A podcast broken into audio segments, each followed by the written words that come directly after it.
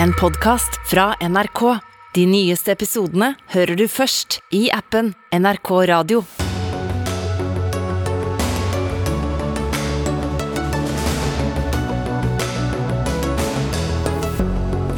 Julebord og arrangementer avlyses i stort monn, og nå krever arbeidsgiverne en nasjonal kompensasjonsordning for næringslivet. Det fikk de ikke gjennomslag hos regjeringen for, bare beskjed om å ha is i magen. Og Bergen, Bergen. Nå er det politisk flertall for å la Bybanen gå over Bryggen likevel, etter at et flertall i forrige uke mente den skulle gå gjennom tunnel. Men politisk kaos øynes det fortsatt.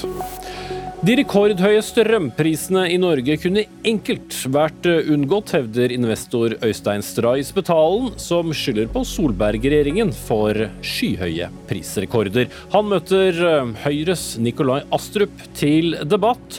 Toppoppgjør fra Oslos vestkant. Og at statssekretæren i Klima- og miljødepartementet poserte på bildet av en skutt ulv, fikk det til å renne over for Unge Venstre, som møter Senterungdommen til debatt. Og med det sier vi velkommen til ukens siste Dagsnytt 18. Jeg heter Espen Aas, der vi også skal snakke om hvor godt det faktisk går i norsk økonomi, epidemi til tross. Men ikke for alle. For det er nesten så du kan høre lyden av avbestilte julebord, konserter og annet julesosialt etter at omikron entret kongeriket. Nå i ettermiddag ble f.eks. nasjonale smitteverntiltak også innført i 13 kommuner i Vestland fylke.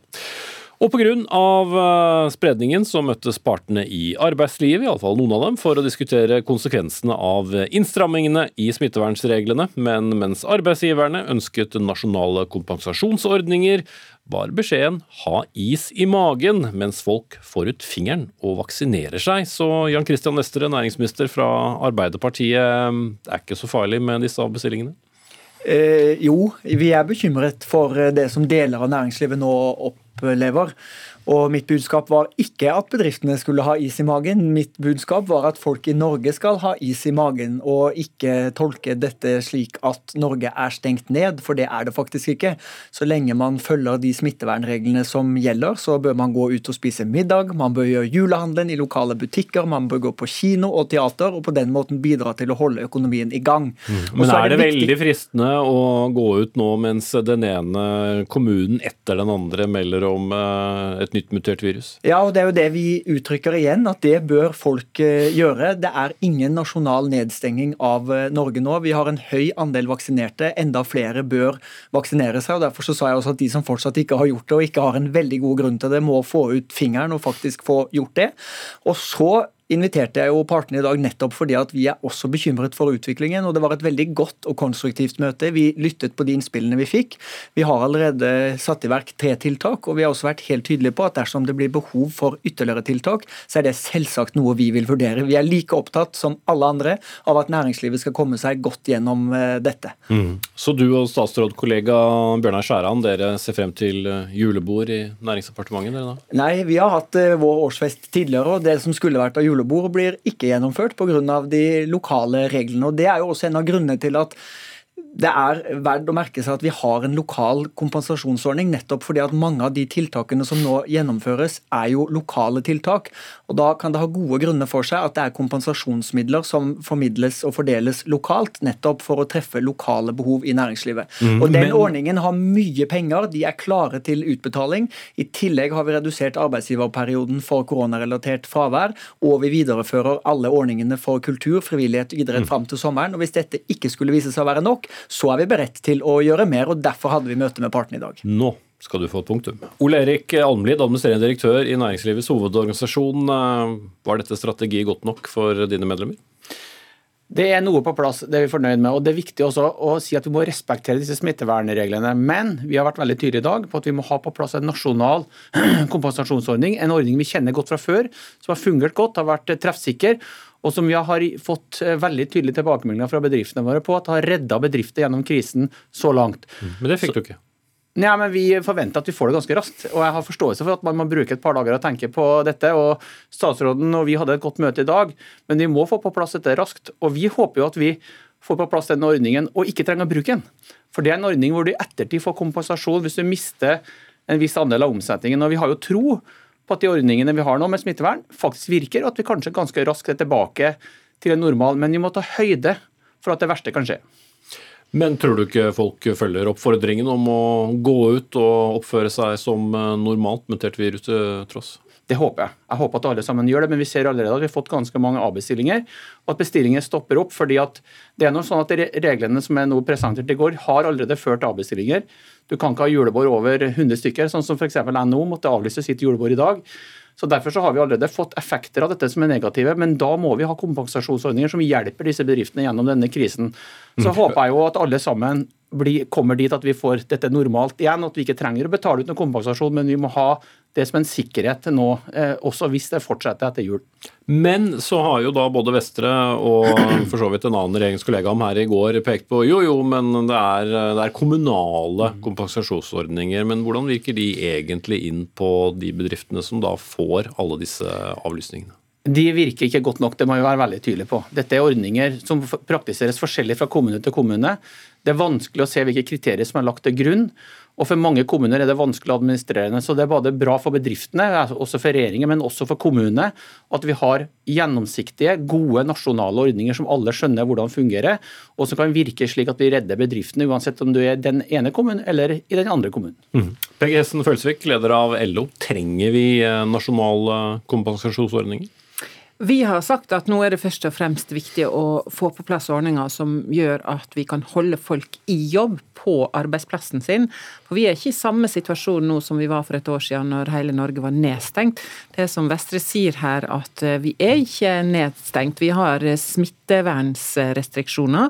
Men, men eh, jeg håper jo også at publikum velger å bruke både restauranter, kulturtilbud og andre ting som er fullt mulig å gjøre innenfor disse smitteverntiltakene. Så svaret er nei, vi trenger ikke nasjonale kompensasjonsordninger? Om, om den skal være nasjonal, om den skal være kommunal, det oppfatter jeg at det var det statsråden var interessert i å få tilbakemeldinger på i dag.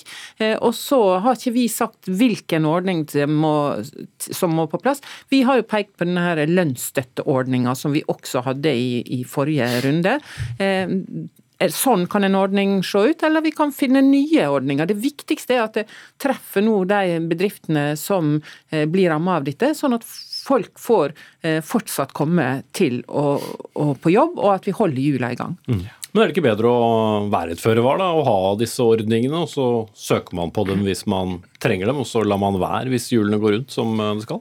Jo, nå har vi jo da tre tiltak eh, allerede. Og de eh, tiltakene som trådte i kraft eh, ved midnatt i dag, er jo ment å vare i 14 dager. Så la oss se. Det er for å skaffe oss litt mer tid og oversikt over den nye virusmutasjonen.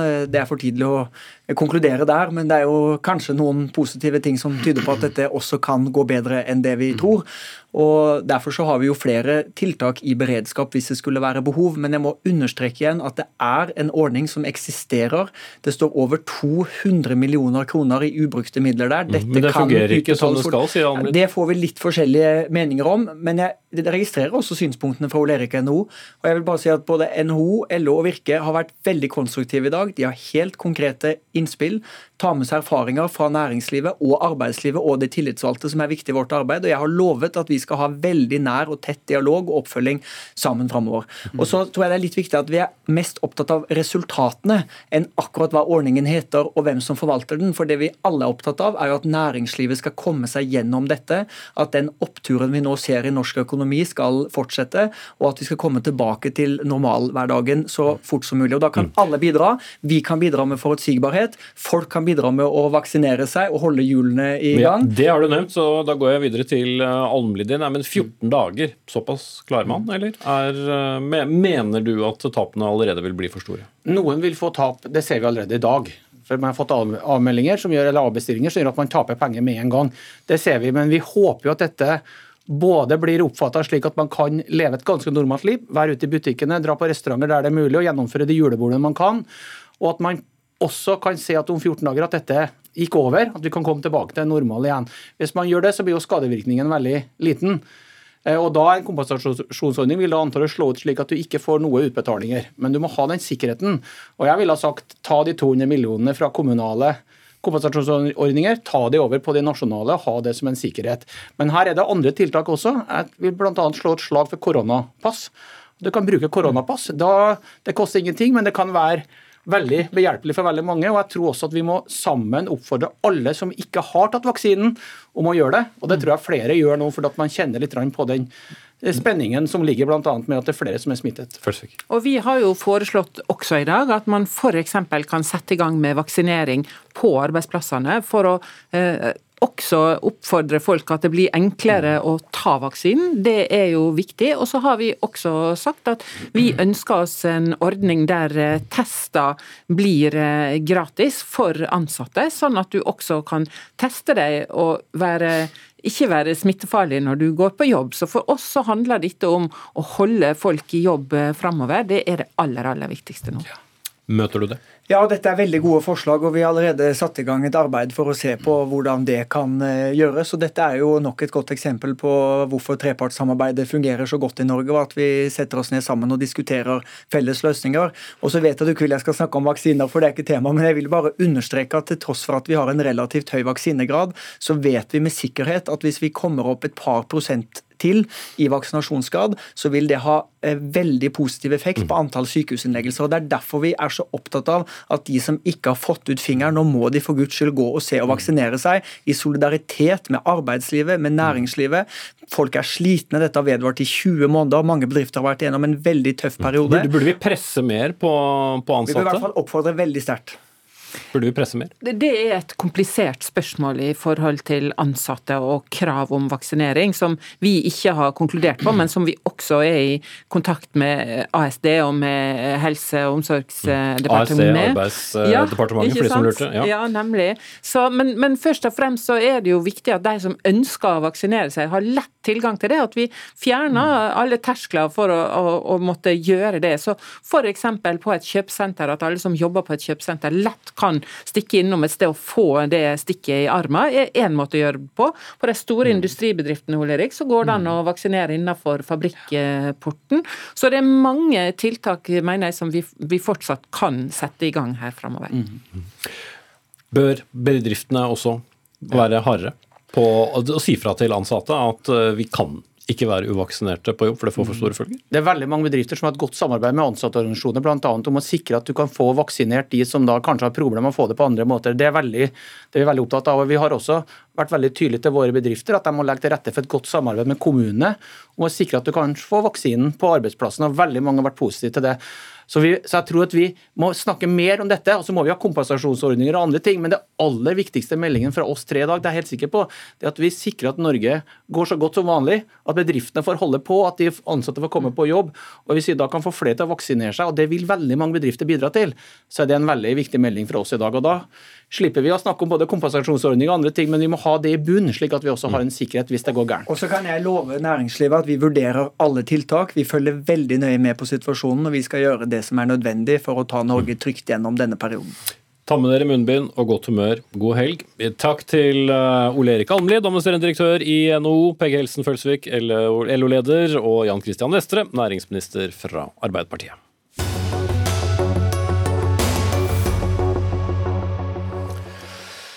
Så til eh, den uh, stadig forandrede situasjonen rundt uh, Vestlandets hovedstad, Bergen, både om uh, politikere og bybane. For som mange sikkert har fått med seg, så kom det nok en overraskende utvikling i går. Ja, enda en utvikling. For to politikere fra Senterpartiet og en fra Rødt brøt likså godt med egne rekker og dermed sikret nytt flertall for et nytt Arbeiderparti-ledet byråd i byen. Flertallet sikrer da også bybane over Bryggen, mens det altså i forrige uke ble sikret flertall for bybane i tunnel.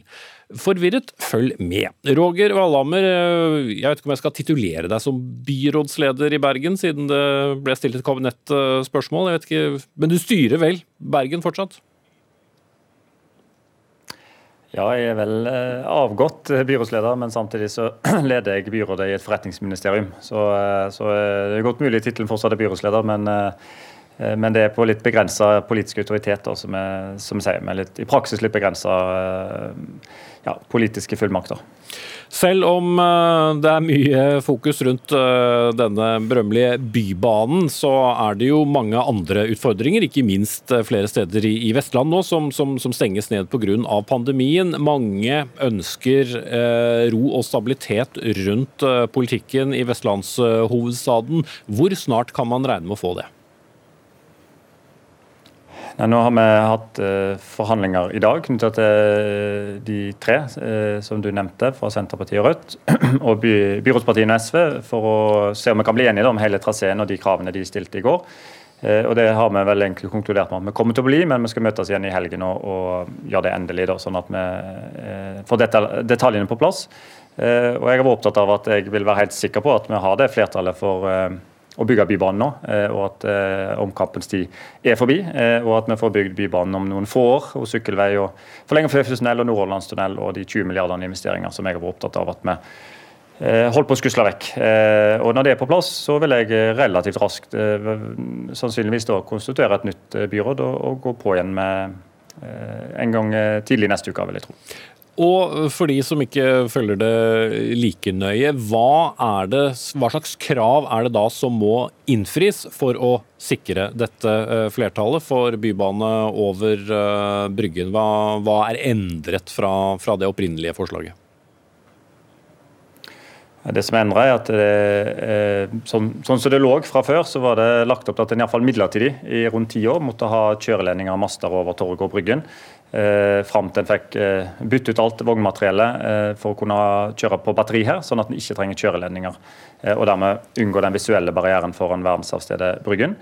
Eh, det de har krevd, og som jeg jo åpenbart er enig i at det er en god ting, det er å eh, aldri sette de opp og få batteridrift fra dag én.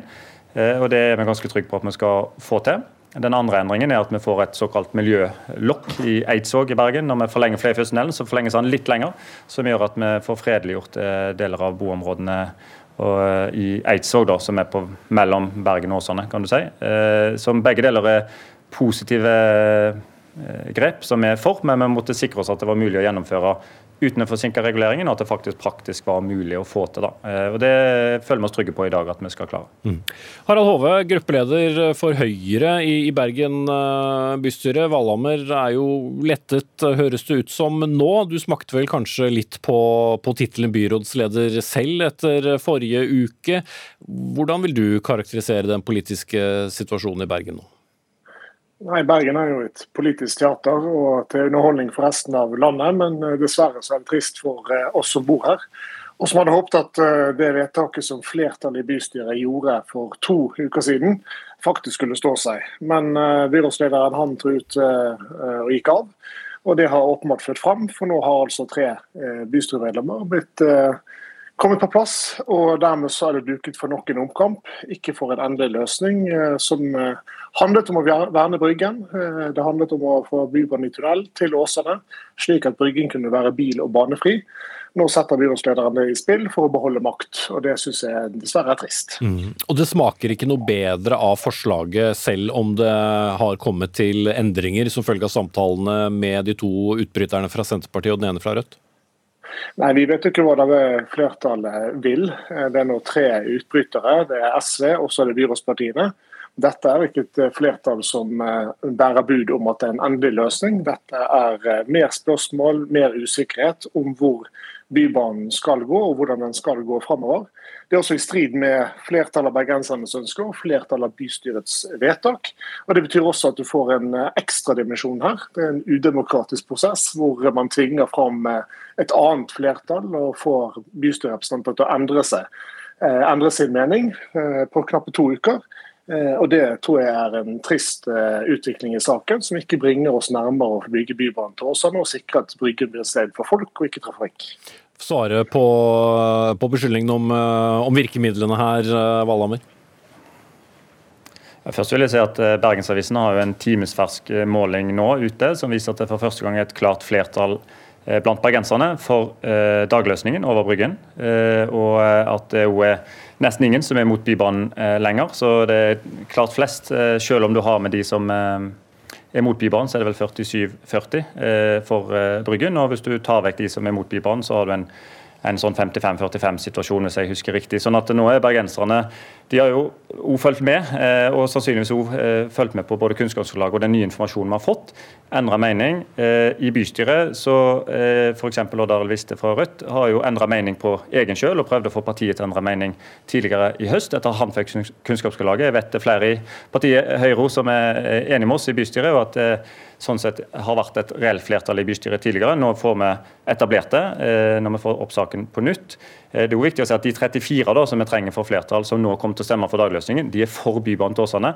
Blant de 34 som han hadde forrige uke, så var jo nesten halvparten først stemte de mot Bybanen. Og de stemte imot å bruke bompenger i det hele tatt på Bybanen til Åsane. Så nå får vi en, et flertall som er for Bybanen til, eh, som er for dagløsningen, som er for å regulere og for å finansiere. Og Det gir jo nettopp den tryggheten eh, vi trenger for å få bygd Bybanen. Og Nå kan vi få regulert ferdig hele traseen i denne perioden og begynne å bygge om drøye tre eh, år. Okay, Med. HVs flertallsvedtak så snakker vi om fem til seks års utsettelse på hele greia.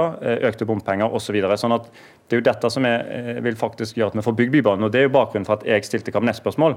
Det er jo et virkemiddel jeg har. Jeg sitter i mindretall. Flertallet går mot på den viktigste saken for oss, som jeg mener er helt uansvarlig og ikke gjennomførbar. og okay. 20 milliarder spill. Jeg, jeg bryter deg av Valhammer for å ikke ta hele historikken ja. på nytt. for Jeg vil også ha med ja. en person til, eller to faktisk. Men først Odd Arild Viste, gruppeleder for Rødt i, i Bergen bystyre. Du var jo først for tunnel, og så snudde du da til denne såkalte dagløsningen, men bryter jo da med, med egen eh, partigruppe, som jo vel ikke var helt begeistret for det. Hvordan, eh, hvordan eh, har dere det i, i Rødt i dag? Vi har det bra i Rødt. Vi har hatt en ryddig og god diskusjon hele veien, og en, en bred prosess på det i partiet, som endte i et årsmøtevedtak.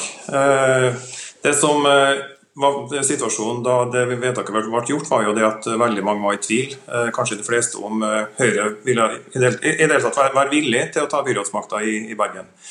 Eh, etter bystyremøtet har det gradvis endra seg. Harald Viktor Ove sa jo senest i forrige uke at det ikke var aktuelt å styre uten KrF og Venstre, men har ombestemt seg og er mer enn klar til å overta makta nå. Og Da mener jeg at vi står i en helt ny politisk situasjon som vårt årsmøte ikke har tatt stilling til.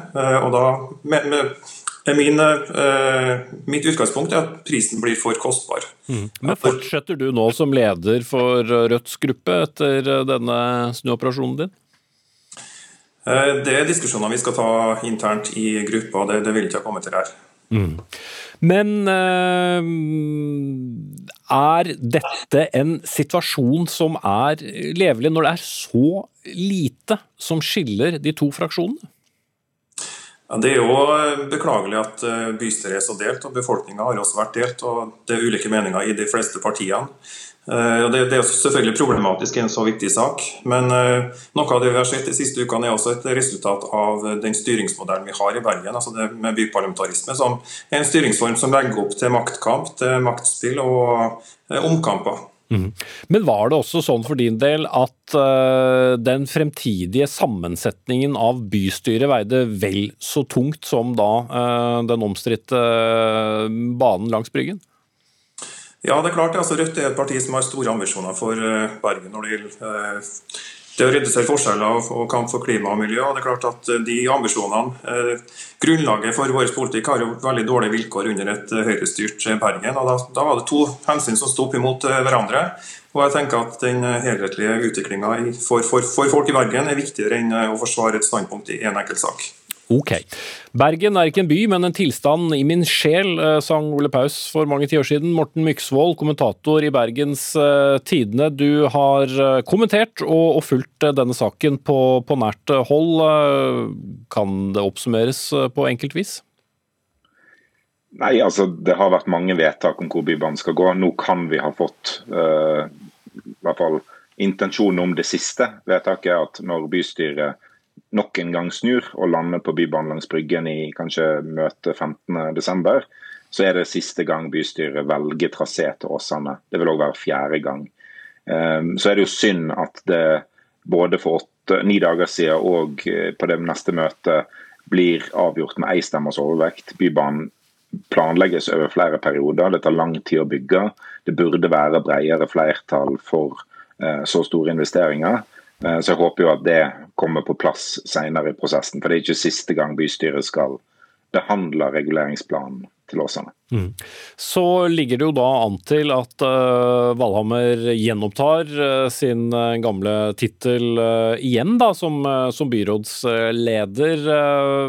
ut fra den operasjonen han har, har, vært gjennom, og da fått snudd flertallet i, i sin favør igjen. Hvordan vurderer du hans stilling? Nei, Roger Valhammer har fått gjennom den viktigste saken for det byrådet egentlig de seks årene det byrådet har, har uh, hatt makt. Uh, så Sånn sett er jo stillingen hans styrka. Det er jo en stor seier for de partiene i, i det byrådet.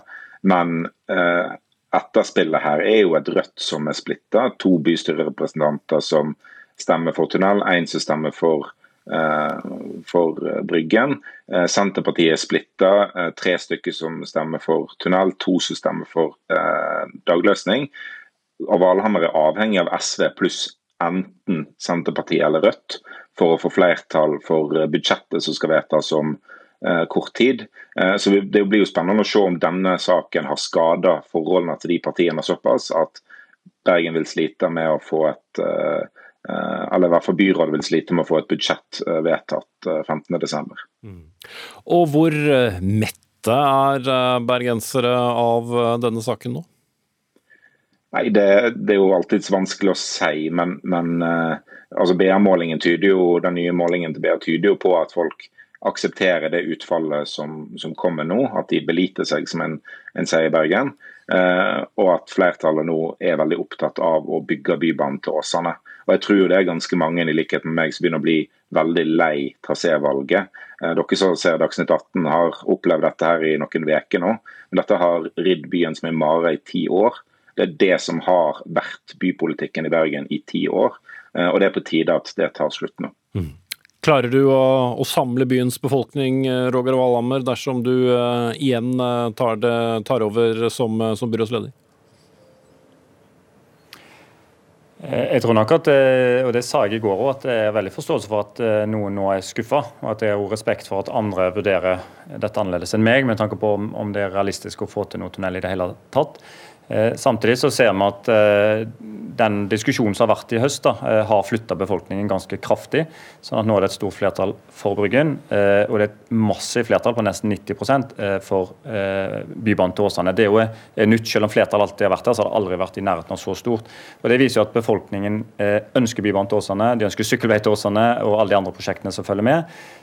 Og jeg håper og tror at flere vil være for denne løsningen, når vi nå i tillegg får kvitte oss med disse kjøreledningene, så vil jo barrieren foran Bryggen forsvinne. Da vil det være noe skinnegang. Eh, all, I dag er det 10 000 biler og trailere som kjører forbi, de vil forsvinne.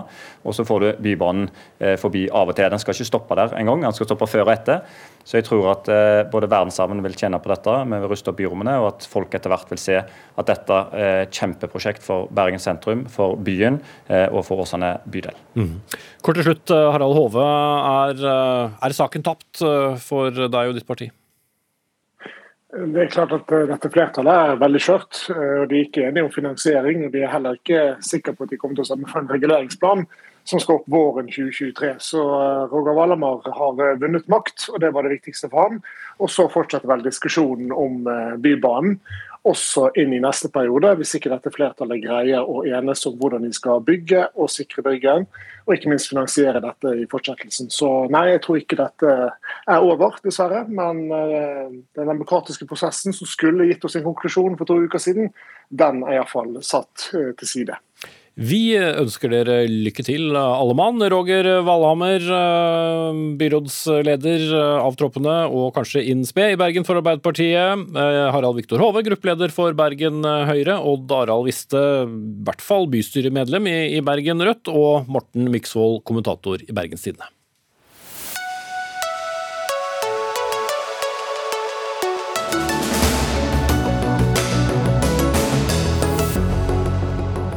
Da er vi halvveis i Dagsnytt 18. Senere i sendingen skal det danses med ulver, eller poseres, for Senterpartiets statssekretær i Klima- og miljødepartementet poserte foran nyskutt ulv, og har hisset på seg Unge Venstre, som møter Senterungdommen mot slutten av sendingen.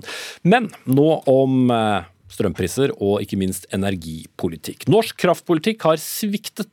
Folk flest eh, buldrer investor Øystein Stray Spetalen i dag, både i Dagens Næringsliv og Klassekampen.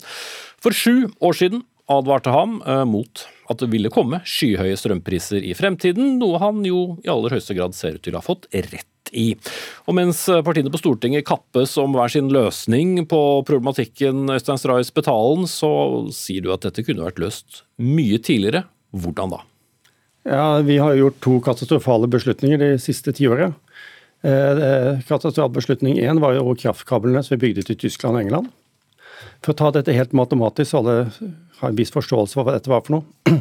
I Norge har vi et kraftoverskudd, dvs. Si at vi har hatt en langsiktig energipolitikk i norsk kraftpolitikk og produserer mer kraft enn det vi har behov for. Så vi har hatt kraftproduksjon i Norge i dag på ca. 150 TWh per år.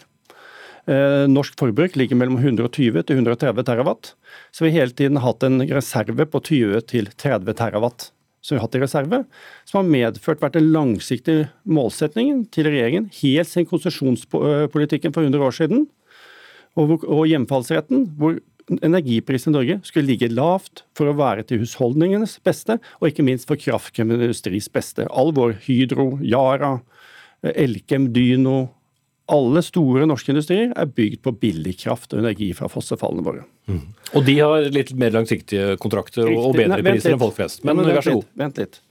Så vi hadde da hele tiden den såkalt langtidsgrensekostnad når vi bygde kraftprisene, og fikk holdt kraftprisen nede på rundt 20-30 øre, som er den normale avkastningsprisen for å få avkastning på vannkraftutbyggingen vår.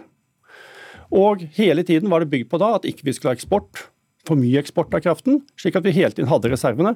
Og når vi hadde nok kraft selv hele tiden, så ville da kraftprisen normalt sett ligge mellom 20 og 30 øre ethvert år. Innimellom kan få noen ekstremår, men det har aldri vært ekstremår før. Men så gjorde man at man bygde disse kablene først til Tyskland, og så England. Hver av disse kablene er på 13 terawatt-time per år i kapasitet. Det betyr én ting at de 100, de 30 terawatt-timene vi har ekstra, de er vekk. For de går rett til Tyskland og England, som har vesentlig høyere strømpriser. Strømprisen i England har vært opp på 10 kroner kilowattimen, mens vi hjemme her betaler 30 øre. Og nå ser vi at da må vi i Sør-Norge betale 3-4 kroner kilowattimen på de dagene hvor disse kablene går for fullt. Og vi ser igjen katastrofen, at det er kabel i Tyskland og England som er årsaken. For i nord er strømprisene fortsatt lave, mens i sør så tappes energien i kablene til Tyskland og England. Mm. Og dette er ene og alene politikernes skyld? Ja, dette er politikernes skyld, som har vedtatt av ACER, som er et internasjonalt kraftsamarbeid, for at man skal ha felles kraftpriser og fri flyt av kraft i EU og EØS, som er helt mot norsk konsesjonspolitikk historisk, og kraftpolitikk historisk. Og det har politikerne gått med på for å tilegne seg EU og EØS, og senere få muligheter for å jobbe der nede og gjøre seg populær i EU. Ja, skal vi si tusen takk da, Nikolai eh, Astrup, stortingsrepresentant for Høyre og energi- og miljøpolitisk eh, talsperson, eller er du ikke helt enig i historiefortellingen til din motdebattant? Jeg er ikke det. Og hvis vi begynner med ACER, så er det klart at det har ingenting med norske kraftpriser eller nordiske kraftpriser å gjøre. Det er et samarbeid mellom, de regulatoriske myndighetene i Europa. Og det handler stort sett om tekniske spørsmål. Eh, og du kan si Noe av det ACER gjør, det er jo at når nå f.eks. Eh, Sverige holder igjen kraft, så har altså både Danmark og Finland klaget inn eh, svenskene til ACER. Fordi dette ikke er holdbart, for det påvirker jo hele det nordiske kraftsystemet. Vi, vanligvis så får vi enormt med vindkraft fra Nord-Sverige inn i det norske markedet. Og Derfor så gir det jo ikke mening sånn som Spetalen gjør, å bare snakke om eh, kraftoverskudd i Norge. fordi det er jo det nordiske kraftoverskuddet som her betyr noe. Det er på 50 TWh eh, beregnet til, neste år. og eh, er en betydelig størrelse. Men nå har jo svenskene problemer med sitt nett. Eh, det var det ingen som kunne forutse for ti år siden, men det har de. Eh, og Det betyr at det er betydelig mindre som kommer inn. Mm. Så men den store eksporten ut av Norge, da? Ja, så er det jo slik at Vi har jo 17 utenlandskabler. Eh, og eh, så det, har vi hatt 1,5 eh, ekstra i drift. da. Altså, vi hadde 15, og så har vi fått 1,5 til, snart, snart to. Og Det er de to siste som Spetalen mener at er årsaken til de prisene vi har nå, og at vi nærmer oss, eller kommer til å ha de samme prisene som de har i Europa. Og Begge deler er jo, er jo feil. Fordi Skulle vi vært en energiøy, så måtte vi kuttet alle kablene. Og Da snakker vi om en helt annen type politikk enn det som eh, vi har lagt opp til de siste 50 årene. Men NVE-sjefen satt i den stolen i går og sa at uh, jo, utenlandskablene er årsak til at vi har så høye kraftpriser i dag. Det er riktig at vi har prissmitte fra, fra EU, men hvis du ser på prisene på kraft for 2022 så er det en enorm forskjell på de tyske og britiske prisene og de nordiske. Du kan altså kjøpe kraft i 2022 for 50 øre kilowattimen i Norden, mens reiser du til Tyskland, så er du på 100 og, altså på 1 krone og 50 øre. Reiser du til Storbritannia, så er du på eh, 1 krone og 80 øre. Så det er enormt stor forskjell. Det har nesten aldri vært så stor forskjell på kraftprisene i Norge og kraftprisene i, eh, på kontinentet. Så du mener da at politikerne ikke har noe ansvar eller skyld om du vil i at kraftprisene da er så høye? Dette, er heller din eh, regjering eller den du var en del av? Hovedårsaken til de høye kraftprisene som vi har akkurat nå, det er at eh, gassprisen har femdoblet seg. Og med det så har også CO2-prisen gått kraftig opp. Og det eh, gjør at vi har en, energi, eh, altså en energisituasjon i Europa som er svært anstrengt. og Det skyldes jo igjen at Russland holder igjen gass i påvente av at Nord Stream 2, som er en ny gassrørledning fra Russland til Tyskland, skal få godkjenning. Mm. Ok, Nå har dere fått god tid på hver av deres innledende argumenter, så nå kan vi ta replikkrunden. Eh, Spetalen eh... jeg, tar, jeg, tar, jeg tar bare lese hovedsetningen fra ACER først, som man finner. ACER skal bidra til harmonisering av felles regelverk for alle nasjonene. Det skal føre tilsyn med energimarkedet, og ikke minst tilrettelegge for utbygging, slik at strøm kan fritt gå mellom landene. Så går vi tilbake til 17 strømledningen hans. Historisk sett har vi hatt et nordisk energisamarbeid. Som jeg sier, Det har vært stort energioverskudd i Finland, Norge og Sverige. Derfor har disse landene, som alle er energiintensive og bygde opp mye energi og overskuddsenergi, og har samme energipolitikk på Norge, utveksles energi seg imellom når det har vært liten prisforskjell. Det har vært 20-30 øre da de holdt på. Det som jeg kan si, i forrige uke, den engelske kabelen som ble åpnet i oktober, den går på halv kapasitet. 40% av eksporten i oktober gikk gjennom den engelske kapitalen, eh, kanalen, nei, kabelen, Kabel. som da var på halv kapasitet. 40% av vår kapasitet. Resten åpner etter nyttår. Da kan vi vente oss enda mer prisoppgang. For da går enda mer til England. Så skal jeg ta en ting til. Han blander Du må gjøre det kort hvis vi skal få svar på dette. Ja, en ting. Han blander dette sammen med 17 kraftkabler, for de betyr ikke noe. Det er helt Mickey Mouse-kapasitet. Disse to kablene som vi åpner nå, de opptar hele kapasiteten. De tar 30 terawatt-timer eksport. Disse andre til Europa er småtteri. De er internt i Skandinavia stort sett, og har vært til fordel både for Sverige og Norge, slik at vi har jevnet ut prisene i mm. land som har lav energikostnader. Så vi har åpnet en motorvei for krafteksport, eh, Astrup? Jeg vil, ikke, jeg vil ikke, kalle det motorvei, men det er, det er, ja, det er helt riktig at de to kablene har høy kapasitet. og Den, den tyske kabelen var jo definitivt medvirkende til at vi i fjor hadde strømpriser på 11 øre i snitt gjennom hele året. Og I perioder så tok vi imot eh, kraft, vi tok penger for å ta imot kraft. og Det skyldes jo at eh, Tyskland henger jo ikke sammen som et kraftmarked. Så Det store forbruket er i sør, der fabrikkene ligger, mens eh, produksjonen av variabel vind, vindproduksjon den ligger i nord. Og det betyr at Når det blåser mye, så er de nødt til å eksportere til oss og bli kvitt denne kraften. Når det da også blåser mye der, så blåser det i Danmark. Eh, og Da er dette en eh, svært god butikk, butikk, for Norge. Så er det klart, Hva skulle vi gjort uten eh, å være koblet til Europa? Jeg mener at det er viktig for, for, for, norsk forsyningssikkerhet at vi har disse mellomlandsforbindelsene. Og vi vet at i tørråret 2010-2011 så hadde kraftprisen i Norge vært vesentlig høyere. Vi hadde risikert rullerende blackouts i Norge hvis ikke vi hadde hatt men nå er det vesentlig høye. Med, med, andre land. Ja, Nå står vi i en helt ekstraordinær situasjon, og det må Stortinget løse uh, gjennom omfordelende tiltak, slik at folk som sliter med strømregningen, får penger til å betale mm. regningen. Men kunne vi unngått det ved å ikke eksportere men, så mye til f.eks. England? Nei, altså, Nå er altså gassprisene så høye at det er det som setter prisen i Europa.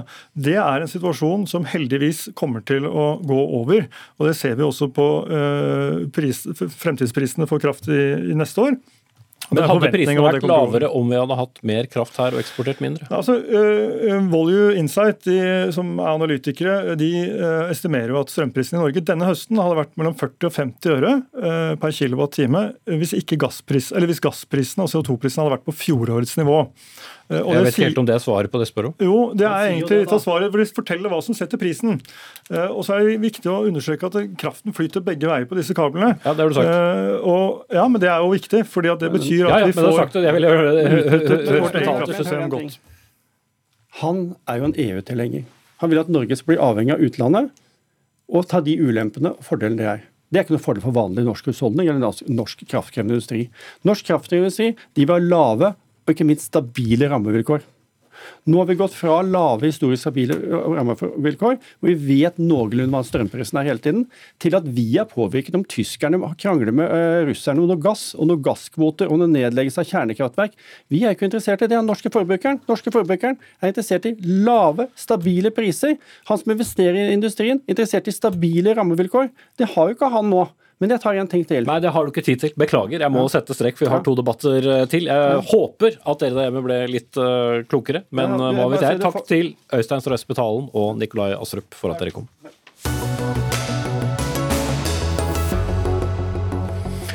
Men høye strømpriser og dystre koronanyheter om dagen til trost, til, ikke til trost, men til tross. Eh, norsk økonomi har gått som en eh, kule den siste tiden, den. Og selv om vi altså har stiftet et noe ublidt møte med omikron-varianten denne uken, så skal det mye til at det ikke blir ganske fint å være norsk også fremover. Det mener dere i hvert fall i Statistisk sentralbyrå fremsatt på en litt tabloid måte. Forsker Thomas von Brasch, dere har forsøkt å se frem til 2024. Og det er ikke så mange skjær i sjøen? Eh, altså, først starter med å si at Usikkerheten den er stor, men samtidig så er hovedbildet vårt det er at eh, vi har sett gjennom sommeren og høsten som følge av gjenåpningen av samfunnet at det har vært en enorm vekst i norsk økonomi. Men vi mener altså at nå står vi overfor et helt klart eh, taktskifte. Det skyldes jo dels omikron-varianten og de nye smitteverntiltakene som da trolig legger en dempe på veksten. I tillegg så er vi nå nær en eh, kapasitetsgrense.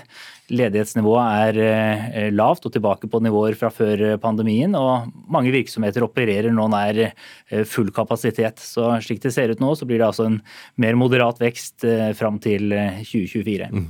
Men vekst blir det? Vekst blir det, men det er altså veldig usikkert. Og en nøkkelforutsetning som vi har lagt til grunn, det er at de tiltakene som nå er iverksatt, de har jo som en målsetting både å kontrollere smitten, men også sørge for at hjulene i økonomien holdes i gang. Og Det er det vi legger til grunn. Men Det er også situasjonen nå, men det kan også endres eh, raskt. Og hvis Eh, denne omikron-varianten nå skulle vise seg å være farligere, hvis vaksinen ikke skulle være så effektiv eh, mot den, ja, så vil det kunne eh, gi seg utslag i at norsk økonomi også går i utforbakke. Mm.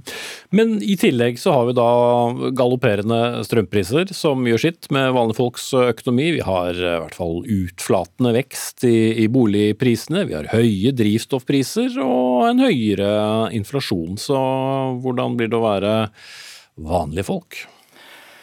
Ja, Det er riktig som du sier at eh, strømprisene de er nå høye, og det ser man også i de totale inflasjonstallene.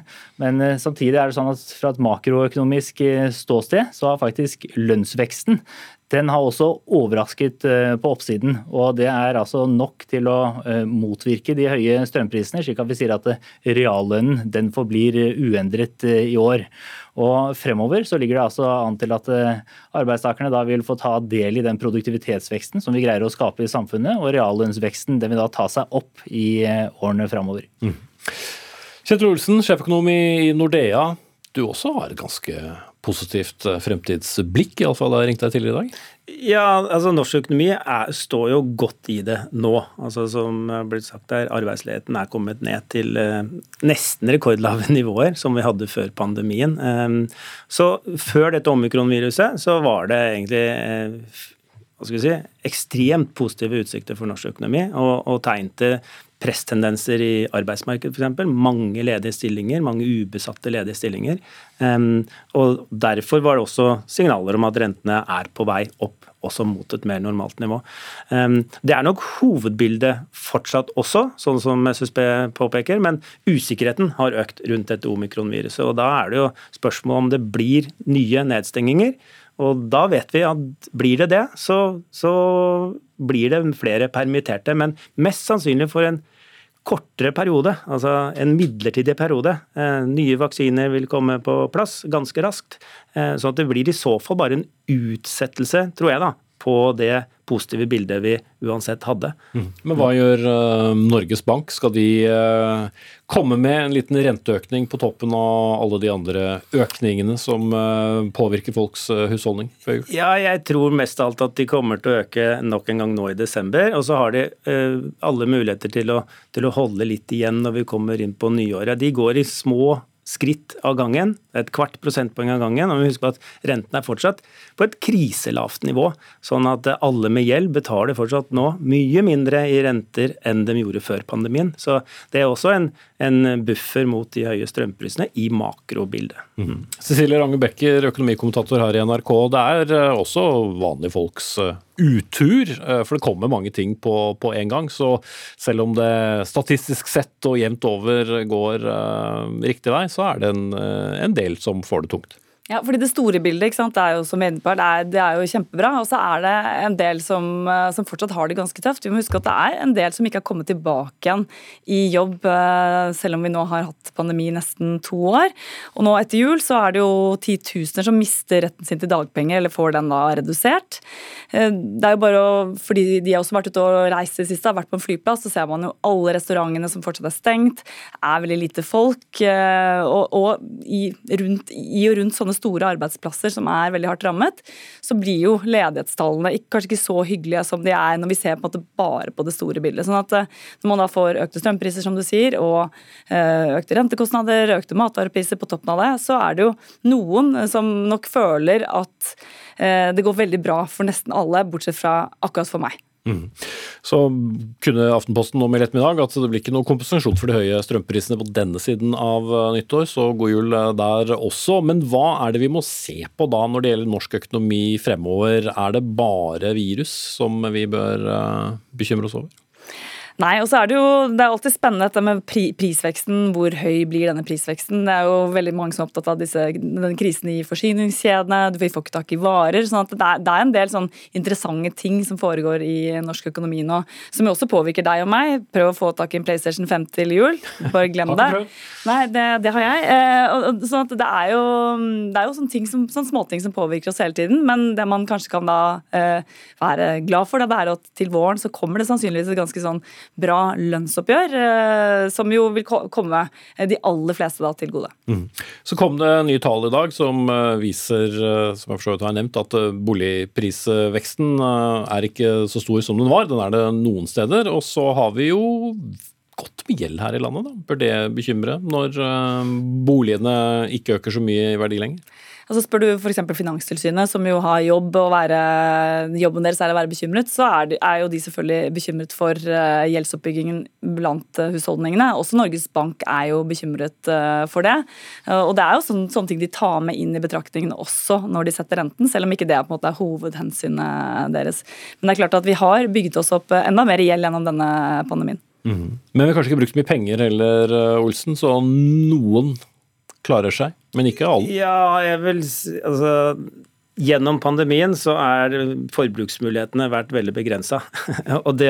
at mens lønningene har vært stort sett som de var, eller til og med litt høyere øh, år for annet. Så det gjør at veldig mange har spart mye gjennom pandemien. Sånn raskt regnestykke i makro igjen, da, i de store tallene. 15 av ett års liksom, inntekt for norske husholdninger.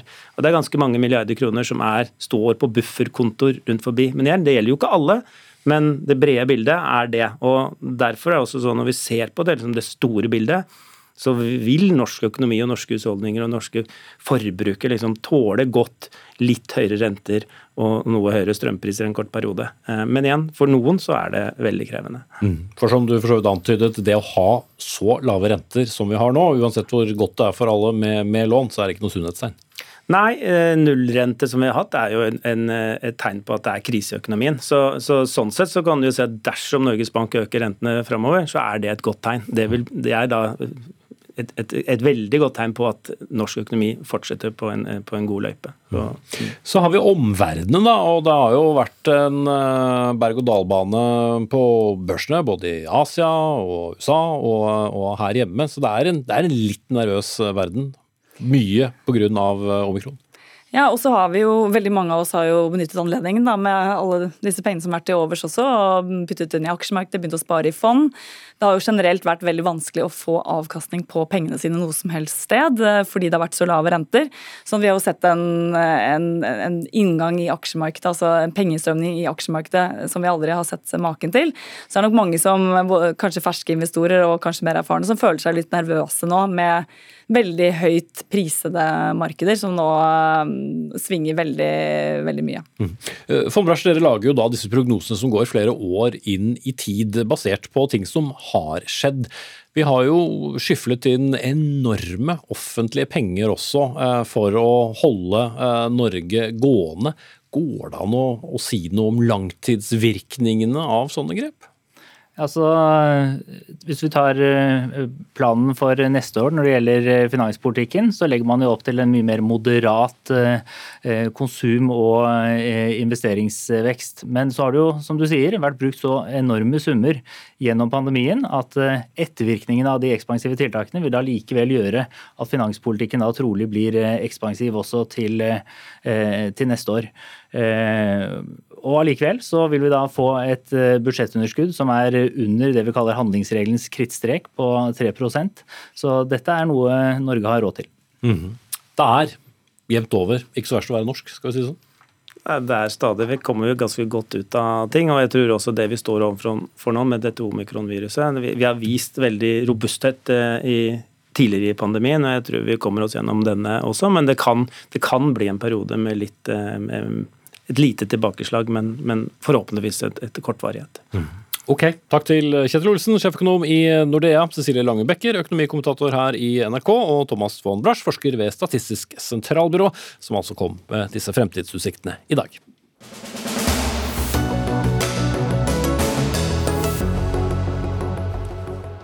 Til slutt i sendingen det nærmeste vi kommer ulv i fåreklær, nemlig ulvejeger i statsrådklær. Tilsynelatende, i alle fall. For det har vakt sterke reaksjoner hos enkelte at en statssekretær i Klima- og miljødepartementet onsdag poserte med en skutt ulv i Rendalen.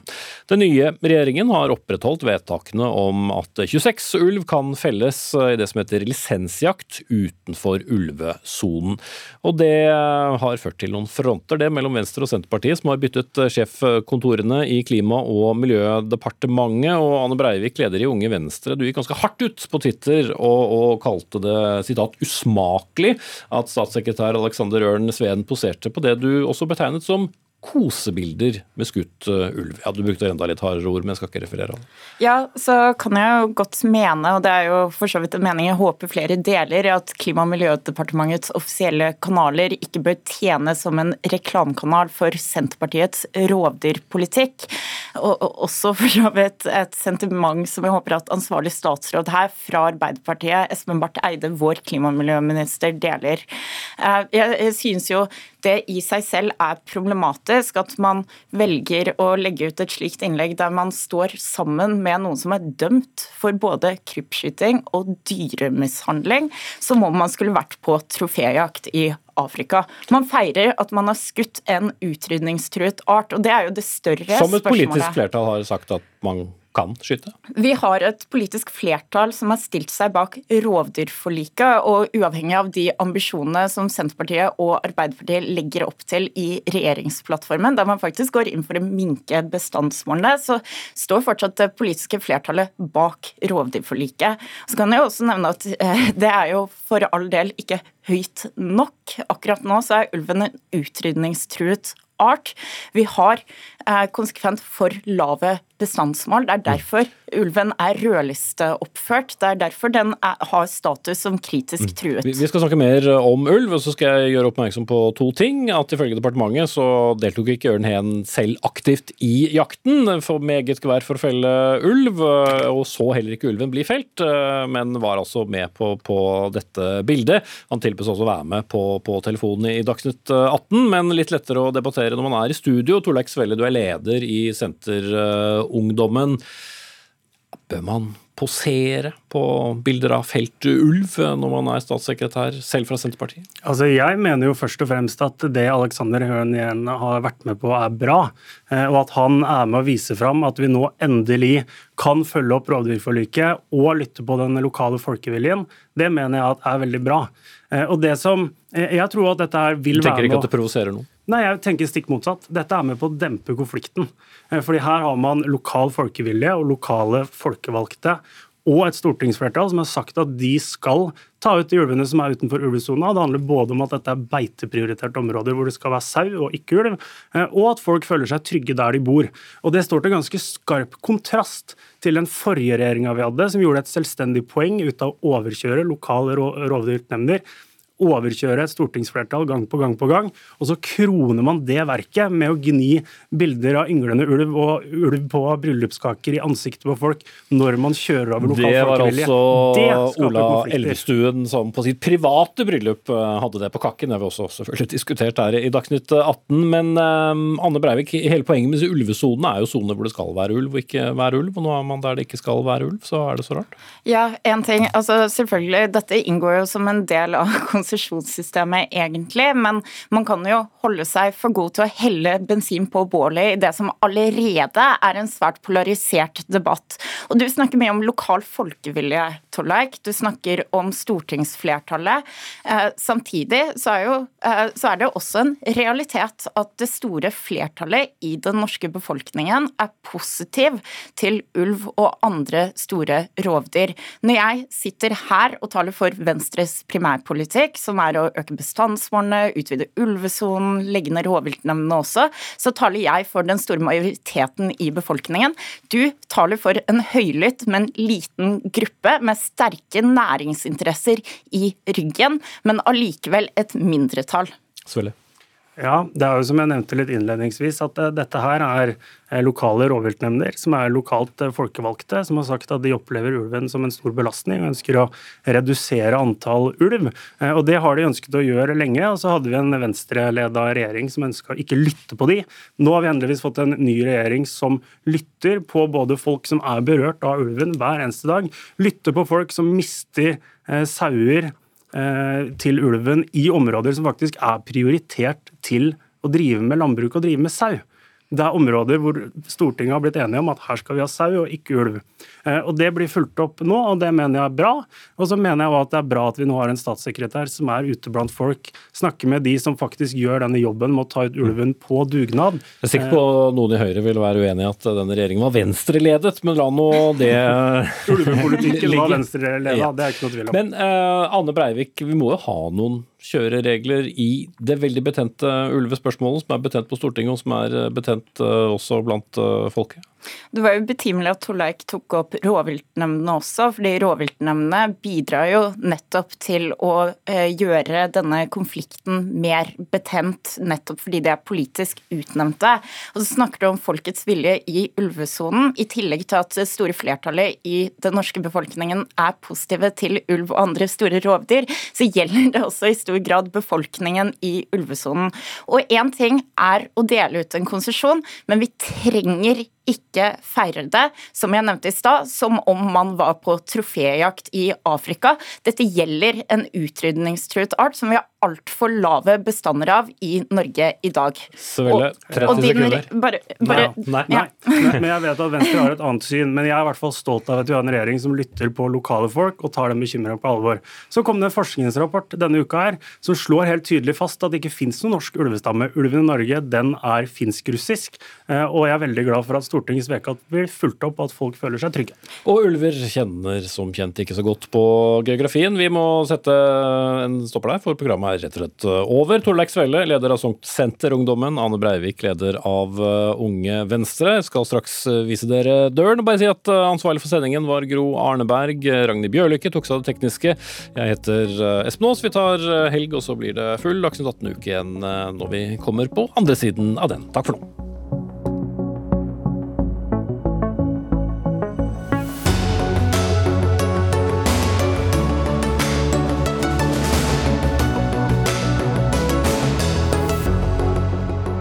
Du har hørt en podkast fra NRK.